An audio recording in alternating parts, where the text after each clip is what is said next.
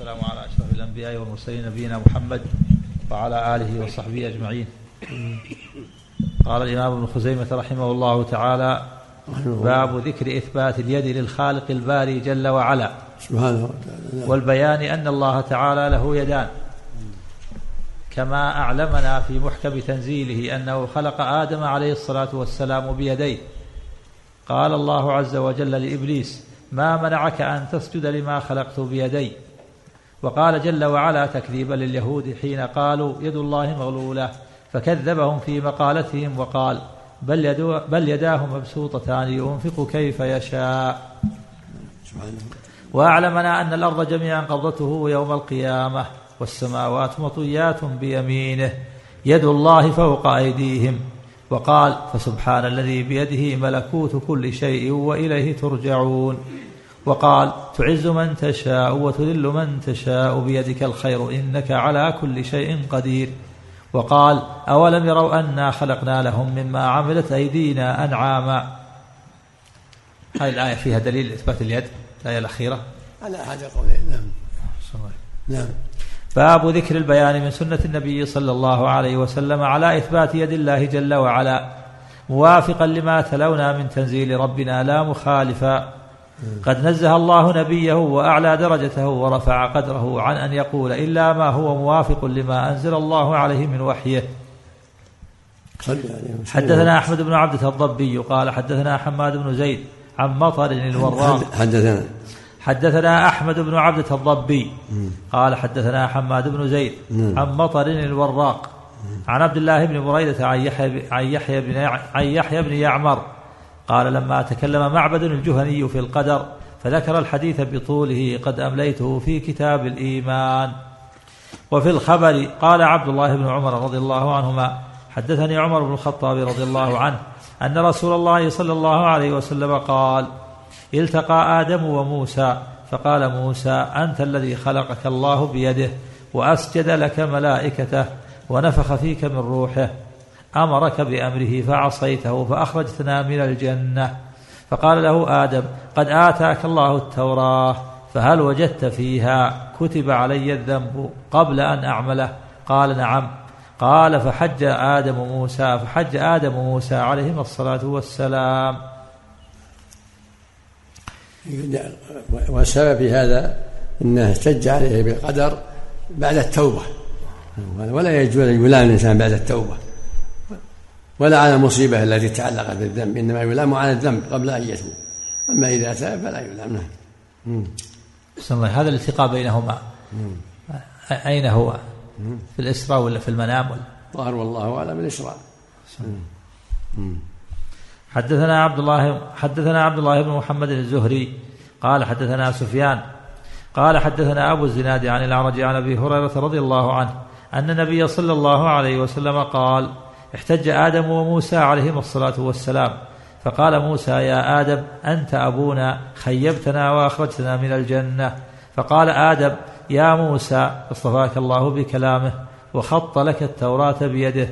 أتلومني على أمر قدره الله علي قبل أن يخلقني بأربعين سنة؟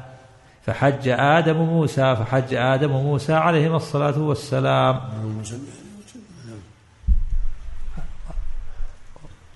هذا تقدير خاص حسن الله أربعين سنة قبل أن يخلقني من التفصيل تفصيلي. من التقدير السابق. إن الله قدر ما قدر قبل أن يخلق بخمسين ألف سنة. نعم. تقديرا خاصا أحسن. نعم ما في شك. نعم. بآدم. مثل تقدير ليله القدر يعني خاصا بآدم. نعم مثل التقدير يكتب في حق الجنين.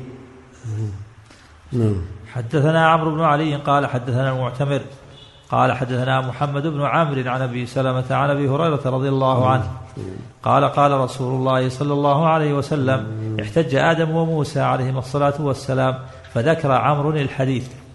حدثنا عمرو قال حدثنا يحيى بن سعيد قال حدثنا محمد بن عمرو قال حدثنا أبو سلمة عن أبي هريرة رضي الله عنه. قال قال رسول الله صلى الله عليه وسلم وحدثنا عمرو بن مرة الحديث.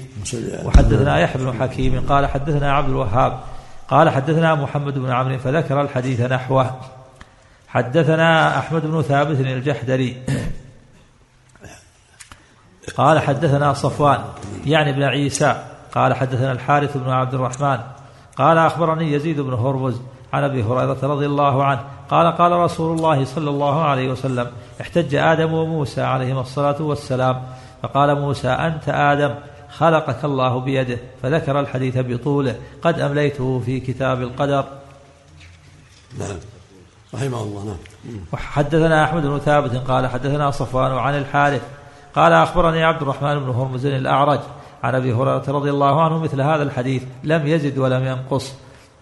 حدثنا محمد بن بشار وأبو موسى قال حدثنا يحيى قال بندار حدثنا محمد بن عمرو وقال أبو موسى عن محمد بن عمرو قال حدثنا أبو سلمة عن أبي هريرة رضي الله عنه قال قال رسول الله صلى الله عليه وسلم احتج آدم وموسى فقال له موسى أنت آدم الذي خلقك الله بيده ونفخ فيك من روحه وأسكنك جنته فذكر الحديث بطوله حدثنا يوسف بن موسى قال حدثنا جرير عن الأعمش عن أبي صالح عن أبي هريرة رضي الله عنه قال قال رسول الله صلى الله عليه وسلم احتج آدم وموسى. فقال موسى يا آدم أنت خلقك الله بيده ونفخ فيك من روحه وذكر الحديث بطوله.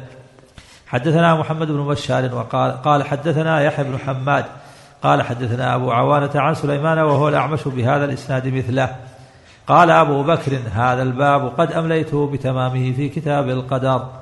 قال أبو بكر فكليم الله خاطب فكليم الله خاطب آدم عليهما الصلاة والسلام أن الله خلقه بيده ونفخ فيه من روحه على ما هو محفوظ بين الدفتين من إعلام الله جل وعلا عباده المؤمنين أنه خلق آدم عليه الصلاة والسلام بيده.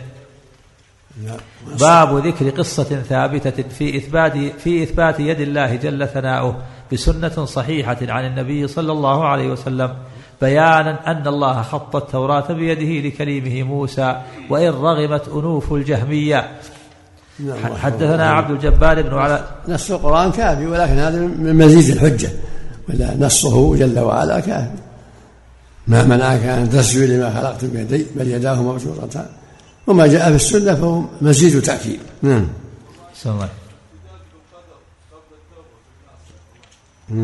نعم. قبل التوبة ما يجوز.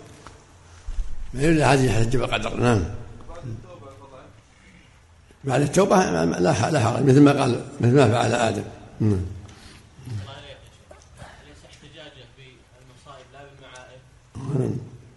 وكذلك من الجواب عنه أنه الامه على المصيبة. نعم.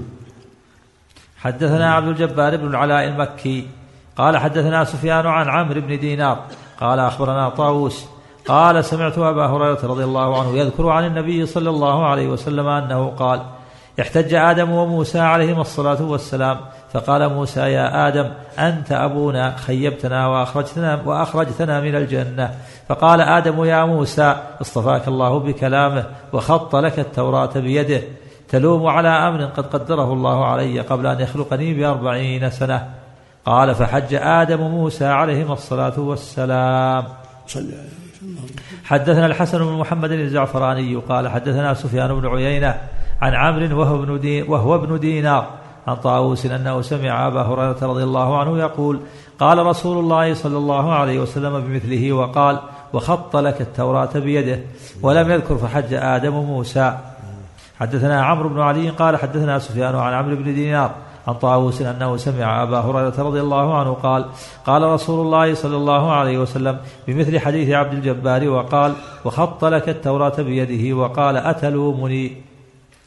حدثنا أبو موسى قال حدثنا محمد بن أبي عدي عن شعبة عن قتادة عن أنس بن مالك رضي الله عنه قال قال رسول الله صلى الله عليه وسلم يجتمع المؤمنون يوم القيامة فيهمون بذلك أو يلهمون به.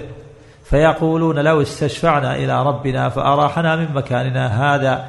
فيأتون آدم فيقولون يا آدم أنت أبو الناس خلقك الله بيده وأسجد لك ملائكته وعلمك أسماء كل شيء. فذكر الحديث بطوله. قال أبو بكر خبر شعبة عن قتادة قد خرجته في أبواب الشفاعة.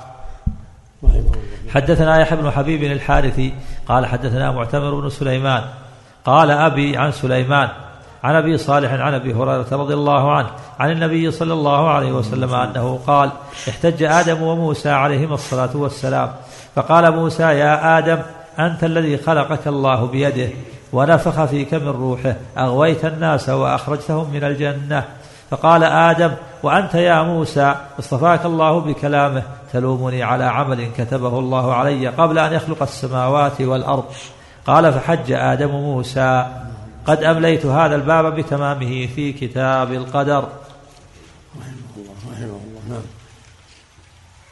باب ذكر سنة ثالثة في إثبات اليد لله الخالق البارئ وكتب الله بيده على نفسه أن رحمته تغلب غضبه. وفي هذه الأخبار التي نذكرها في هذا الباب إثبات صفتين لخالقنا البارئ مما ثبتها الله لنفسه في اللوح المحفوظ والإمام المبين. ذكر النفس واليد جميعا وإن رغمت أنوف الجهمية. حدثنا يحيى بن حبيب الحارثي قال حدثنا خالد بن كريب يعني ابن الحارث عن محمد بن عجلان. وحدثنا محمد بن العلاء بن كريب وعبد وحدثنا محمد بن العلاء بن, بن كريب وعبد الله بن سعيد الأشج وحدثنا محمد بن العلاء بن كريب. أبو كريب ما ابن.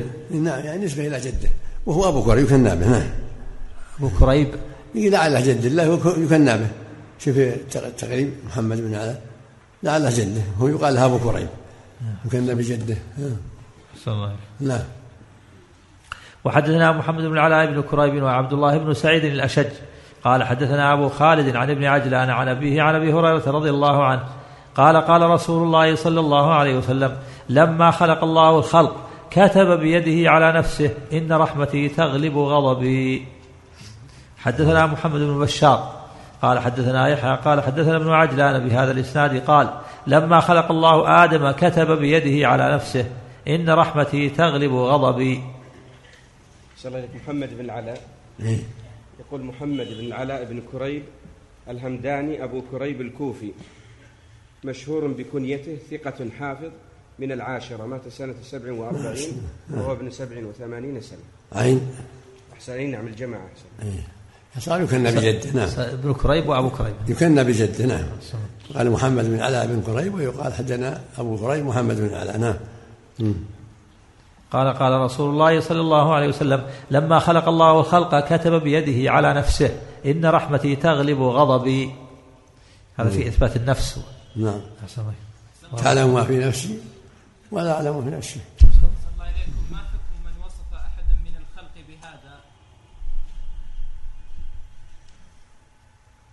وش وصفها به؟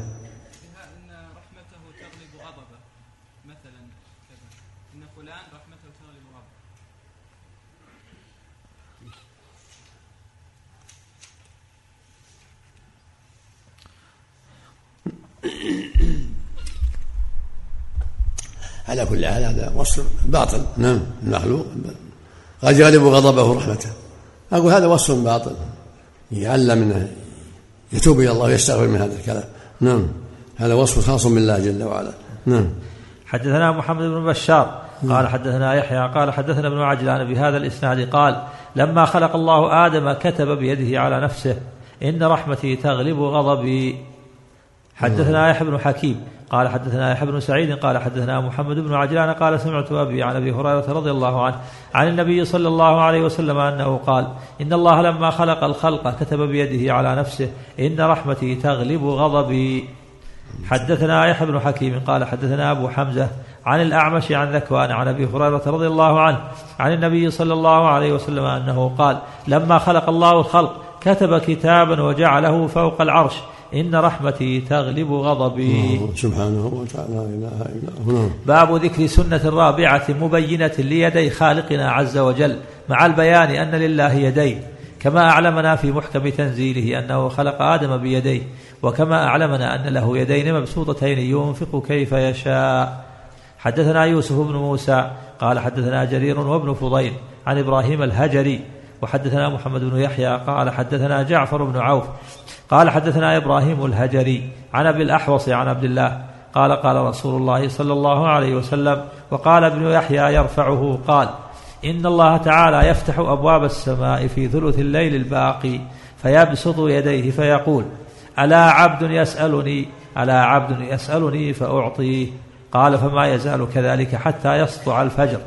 وقال ابن يحيى وقال ابن يحيى فيبسط يده ألا عبد يسألني فأعطيه؟ على نعم على عبد. يسألني فأعطيه. نعم.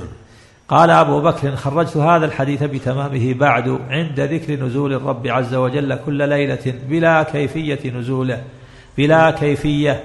وهذا أخرجه مسلم أيضا نعم اللهم صل نعم الأدلة في هذا والحمد لله قطعية نعم. قال أبو بكر خرجت هذا الحديث بتمامه بعد عند ذكر نزول الرب عز وجل كل ليلة بلا كيفية نزول نذكره. لأن بلا كيفية نزول نذكره. لأننا لا نصف معبودنا إلا بما وصف به نفسه إما في كتاب الله أو أو على لسان نبيه صلى الله عليه وسلم. بنقل العدل عن العدل موصولا إليه. لا نحتج بالمراسيل ولا بالأخبار الواهية. ولا نحتج أيضا في صفات معبودنا بالآراء والمقاييس. أحسن الله إليك. سائل يقول ما حكم قول الرجل في دعائه؟ هل في الوجود إله سواك فيدعى؟ ليس في الوجود. ما يقول هل. ليس في وجود هو على سبيل النفي استفهام معنى المبالغة بهذه النية ليس في الوجود. أما على سبيل الشك ما يجوز. نعم. أحسن الله إليك. هذه امرأة عندها صداع في رأسها حفظكم الله. ووصف لها أنها تحمي فأسا سبع مرات وفي السابعة تضعه في أرز فما يتبخر تستنشقه فتشفى. وصف لها إيش؟ أن تأخذ فأس فتحميه سبع مرات وفي السابعة تضعه في أرز ثم ما خرج من بخاره تستنشقه فتشفى. إذا كان مجرب هذا الدواء أو إذا كان مجرب لا بأس. نعم. إذا كان أكثر الطب بالتجارب. أكثر الطب بالتجارب. هل يجوز شيخ يخمر المحرم وجهه؟ الصواب لا يحرم لأن في حديث الحديث الصحيح في قصة الذي قصت راحلته قال صلى الله عليه وسلم ولا تخمر رأسه ولا وجهه فإنه يبعث يوم القيامة ولبي نعم صلى عليه وسلم. نعم. يروى عن عثمان ولكن الحديث الصحيح يدل على المنع. نعم. لكن عن النبي عليه الصلاة والسلام ما جاء من حديث سلمان؟ إيه. ما جاء في هذا عن النبي عليه الصلاة والسلام من حديث سلمان؟ ما أعرف ما ما أعرف إنما جاء من حديث عثمان. نعم. من فعله يعني فعل عثمان نعم. باب ذكر سنة خامسة تثبت أن لمعبودنا يدا يقبل بها صدقة المؤمنين. عز ربنا وجل عن أن تكون يده كيد المخلوقين. حدثنا محمد بن بشار قال حدثنا يزيد يعني ابن هارون عن محمد بن عمرو عن سعيد بن أبي سعيد مولى المهري. مولى المهري ولا المهري؟ ما عندي ضبط له اسمه مولى لا وش الشخص عن شخص سعيد بن أبي سعيد. مولى المهري أو المهري. ما عندي ضبط. شوف سعيد بن ابي سعيد. تقريب ولا خلاصه نعم. عن سعيد بن أبي سعيد مولى المهري, المهري. ولا ولا مرسل المهدي ولا مهدي صلى الله عليه وسلم نعم. عن أبي هريرة رضي الله عنه قال قال رسول الله صلى الله عليه وسلم إن أحدكم لا يتصدق بالتمرة من طيب ولا يقبل الله إلا طيبا فيجعلها الله في يده اليمنى ثم يربيها كما يربي أحدكم فلوه أو فصيله حتى تصير مثل أحد. هذا رواه مسلم. ما من عبد يصدق بعد تمرة من كسب طيب ولا يقبل الله إلا طيب إلا تقبلها الله بيمينه. ويربيها بصاحبه كما يربيها فلوه وفصيله حتى تكون مثل الجبل. الله أكبر نعم. حتى تكون مثل أحد. نعم. نعم في مع أحمد الجبل نعم. مثل الجبل نعم. وهنا عندك أحد المعنى متقارب نعم. يقول أحسن الله اخرجه البخاري ومسلم. عندك؟ وأب... نعم. وأبو داود والترمذي والنسائي وابن نعم ماجه. طيب نعم. نعم. حدثنا محمد قال حدثنا يزيد بن هارون. قال حدثنا محمد يعني بن عمرو عن سعيد بن أبي سعيد مولى المهري. عن أبي هريرة رضي الله عنه.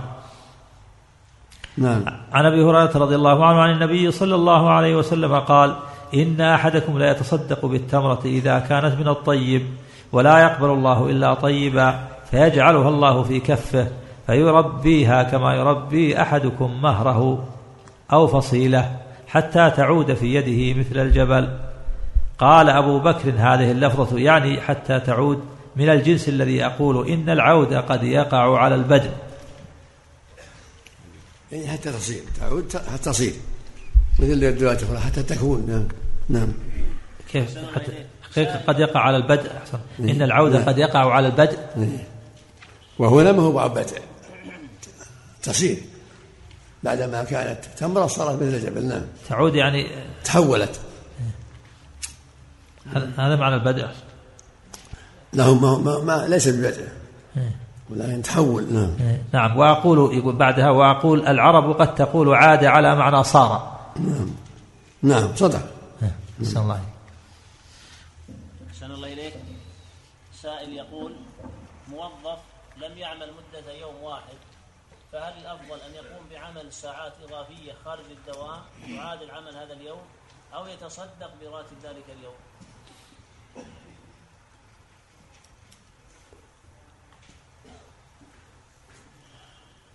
أي غدة موظف لم يعمل مدة يوم واحد.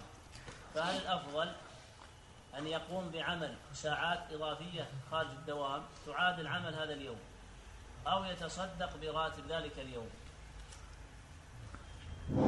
يصدق براتب ذلك اليوم يكون أحوط لأنه أخذها بغير حق الله أكبر. الله أكبر. اللهم صل وسلم هذه اللهم رب التامة والصلاة آت محمد وابعثه مقام لا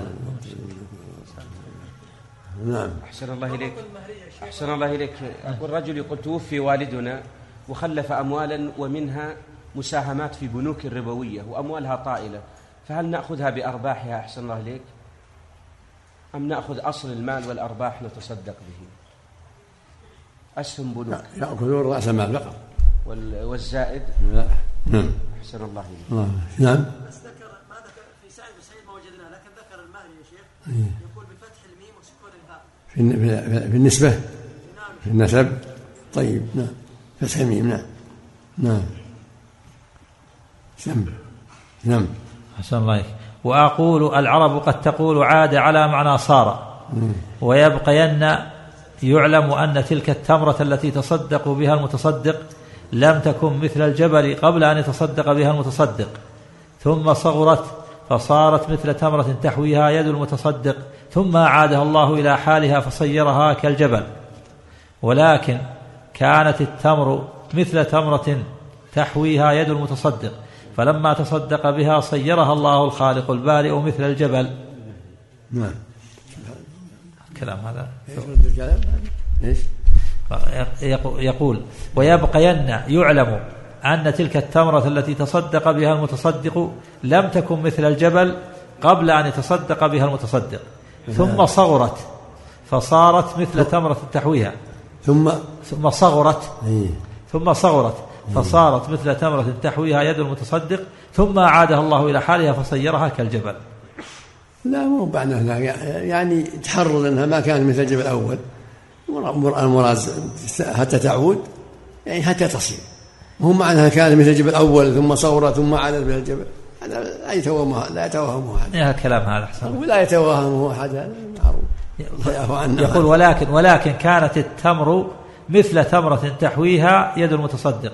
فلما تصدق بها صيرها الله الخالق البارئ مثل الجبل. هذا معنى فمعنى قوله كل يعرف هذا. مو معناه أنها أول صار مثل الجبل ثم عادت. مثل الجبل. لا هذا ما, ما يفهمه أحد. لكن قول ثم صغرت هذا. ما ما ما يفهمه أحد. بس فمعنى- خاف خاف يظنها أحد. أحسن الله. فمعنى قوله حتى تعود مثل الجبل أي تصير مثل الجبل. هذا. فافهموا. سعة لسان العرب. لا تخدعوا فتغالطوا فتتوهموا. فتتوهموا أن المظاهر لا تجب عليه الكفارة إلا بتظاهر مرتين. فإن هذا القول خلاف سنة المصطفى. فإن هذا القول خلاف سنة النبي المصطفى صلى الله عليه وسلم وخلاف قول العلماء قد بينت هذه المسألة في موضعها. نعم. مظاهر إيش علاقة المظاهر هنا أحسن الله نعم. يقول لا لا تخ لا تخدعوا فتغالطوا فتتوهموا أن المظاهر لا تجب عليه الكفارة إلا بتظاهر مرتين. يعني لا ولا تعود. نعم. ويعودون لما قالوا. نعم إيه. نعم. نعم. لكن الإشكال في قوله ثم صغرت. ثم صغرت فصارت يعني لا تظنوا أنها صارت أن التمرة مثل الجبل ثم عادت صغيرة ثم عادت مثل الجبل لا. المرة هي التمرة المعروفة عادت صارت يعني. أحسن الله. مم، هذا. شيء شيء ما يتوهم أحد. هذا هو بس سنه نسيسه رحمه الله. ولا ما يتوهم أحد. مم. أحسن الله عليك. حدثنا محمد بن يحيى قال حدثنا يعلى قال حدثنا محمد بن عمرو عن سعيد بن أبي سعيد عن أبي هريرة رضي الله عنه بهذا ولم يرفعه. حدثنا محمد في عقب حديث يزيد. وحدثنا يونس بن عبد الأعلى قال حدثنا ابن وهب قال حدثنا هشام وهو ابن سعد عن زيد بن أسلم عن أبي صالح عن أبي هريرة رضي الله عنه أن رسول الله صلى الله عليه وسلم قال ما تصدق أحد بصدقة من كسب يريد من كسب طيب. إلا تقبلها الله بيمينه ثم غذاها كما يغدو أحدكم فلوه أو فصيلة حتى تكون التمرة مثل الجبل. حدثنا محمد بن بشار قال حدثنا يحيى يعني ابن سعد قال حدثنا ابن عجلان. قال حدثنا سعيد بن يسار عن أبي هريرة رضي الله عنه قال قال رسول الله صلى الله عليه وسلم من تصدق بصدقة من كسب طيب ولا يقبل الله إلا طيبا. ولا يصعد إلى السماء إلا الطيب فيقع في كف الرحمن فيربيه كما يربي أحدكم فصيلة حتى أن التمرة لتعود مثل الجبل العظيم. إليه يصعد الكلم الطيب والعمل الصالح يرفعه. نعم. حدثنا أحمد بن عبد الرحمن بن وهب قال حدثنا عمي قال حدثنا هشام بن سعد بمثل حديث يونس. حدثنا محمد بن يحيى قال حدثنا ابن أبي مريم قال أخبرنا بكر يعني ابن مضر قال حدثنا ابن عجلان. قال أخبرني أبو الحباب سعيد بن يسار أن أبا هريرة رضي الله عنه أخبره أن رسول الله صلى الله عليه وسلم قال بمثله وقال إلا وهو يضعها في يد الرحمن أو كف الرحمن وقال حتى إن التمرة لتكون مثل الجبل العظيم.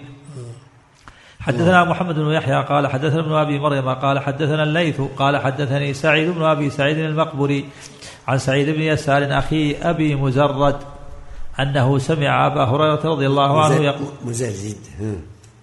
زرد اسم الفاعل من أبي مزرد الله عليه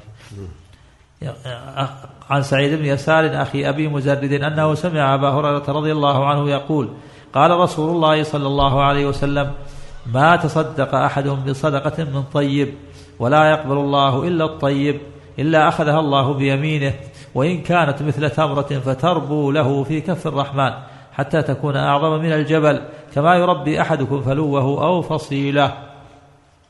حدثنا محمد قال حدثنا قال حدثنا هشام بن عمار. قال حدثنا صدقة قال حدثنا ابن أبي ذئب عن المقبري عن سعيد بن يسار عن أبي هريرة رضي الله عنه عن النبي صلى الله عليه وسلم قال ما من امرئ يتصدق بصدقة. قال أبو يحيى بهذا يعني حديث ابن أبي مريم. حدثنا يونس بن عبد الاعلى قال حدثنا ابن وهب أن مالكا أخبره عن يحيى عن يحيى بن سعيد عن سعيد بن يسار عن أبي هريرة رضي الله عنه أن رسول الله صلى الله عليه وسلم قال من تصدق بصدقة من كسب طيب ولا يقبل الله إلا طيبا كان إنما يضعها في كف الرحمن. كأنما كان إنما كان إنما يضعها في كف الرحمن يربيها كما يربي أحدكم فلوه أو فصيلة. حتى تكون مثل الجبل. حدثنا يونس في في عقبه قال حدثنا يحيى قال حدثنا يحيى بن عبد الله بن بكر قال ابن بكير قال حدثنا مالك عن يحيى عن يحيى بن سعيد عن سعيد بن يسار عن أبي هريرة رضي الله عنه عن النبي صلى الله عليه وسلم بمثله. وحدثنا محمد بن يحيى قال وفيما قرأت على عبد الله بن نافع وحدثنا روح عن مالك عن يحيى بن سعيد عن سعيد بن يسار أبي الحباب. قال ابن نافع عن أبي هريرة رضي الله عنه وقال ابن يحيى وهذا حديثه أن رسول الله صلى الله عليه وسلم قال بمثله وقال إنما يضعها في كف الرحمن. حدثنا محمد قال حدثنا يعلى بن عبيد قال حدثنا يحيى يعني ابن سعيد عن سعيد بن يسار أبي الحباب أنه سمع أبا هريرة رضي الله عنه بهذا الحديث موقوفا وقال إلا وضعها حين حين يضعها في كف الرحمن حتى إن الله لا يربي قال أبو بكر خرجت هذا الحديث في كتاب الصدقات أول باب من أبواب صدقة التطوع. حدثنا محمود بن غيلان قال حدثنا وهب بن جرير بن حازم بن العباس قال حدثنا أبي قال سمعت عب- عبيد الله بن عمر يحدث عن حبيب بن عبد الرحمن عن حفص بن عاصم عن أبي هريرة رضي الله عنه. وذكر النبي صلى الله عليه وسلم فقال إذا تصدق الرجل بصدقة من كسب طيب ولا يقبل الله إلا طيبا أخذها الله بيمينه فيربيها فيربيها لأحدكم اللقمة والتمرة كما يربي أحدكم فلوه أو فصيلة حتى إنها لتكون أعظم من أحد. حدثنا الحسين بن الحسن وعتبة بن عبد الله قال حدثنا ابن المبارك قال حدثنا عبيد الله بن عمر عن سعيد المقبري عن أبي الحباب وهو سعيد بن يسار عن أبي هريرة رضي الله عنه قال قال رسول الله صلى الله عليه وسلم ما من عبد مسلم يتصدق من كسب طيب ولا يقبل الله إلا الطيب إلا أن يأخذه بيمينه فيربيها له كما يربي أحدكم فلوه أو قال فصيلة حتى تبلغ التمرة مثل أحد وقال عتبة قلوصه أو فصيلة ولم أضبط عن عتبة مثل أحد.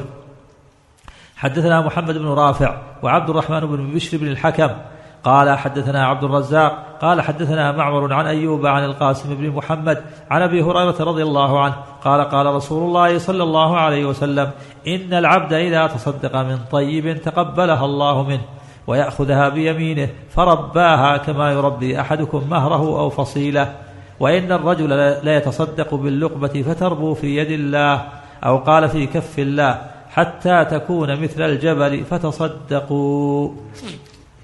باب ذكر صفة خلق الله آدم عليه الصلاة والسلام. والبيان الشافي أنه خلقه بيديه. بارك. بارك الله. سم لا يغلبهن الا إلا لئيم ويغلبن الكريم.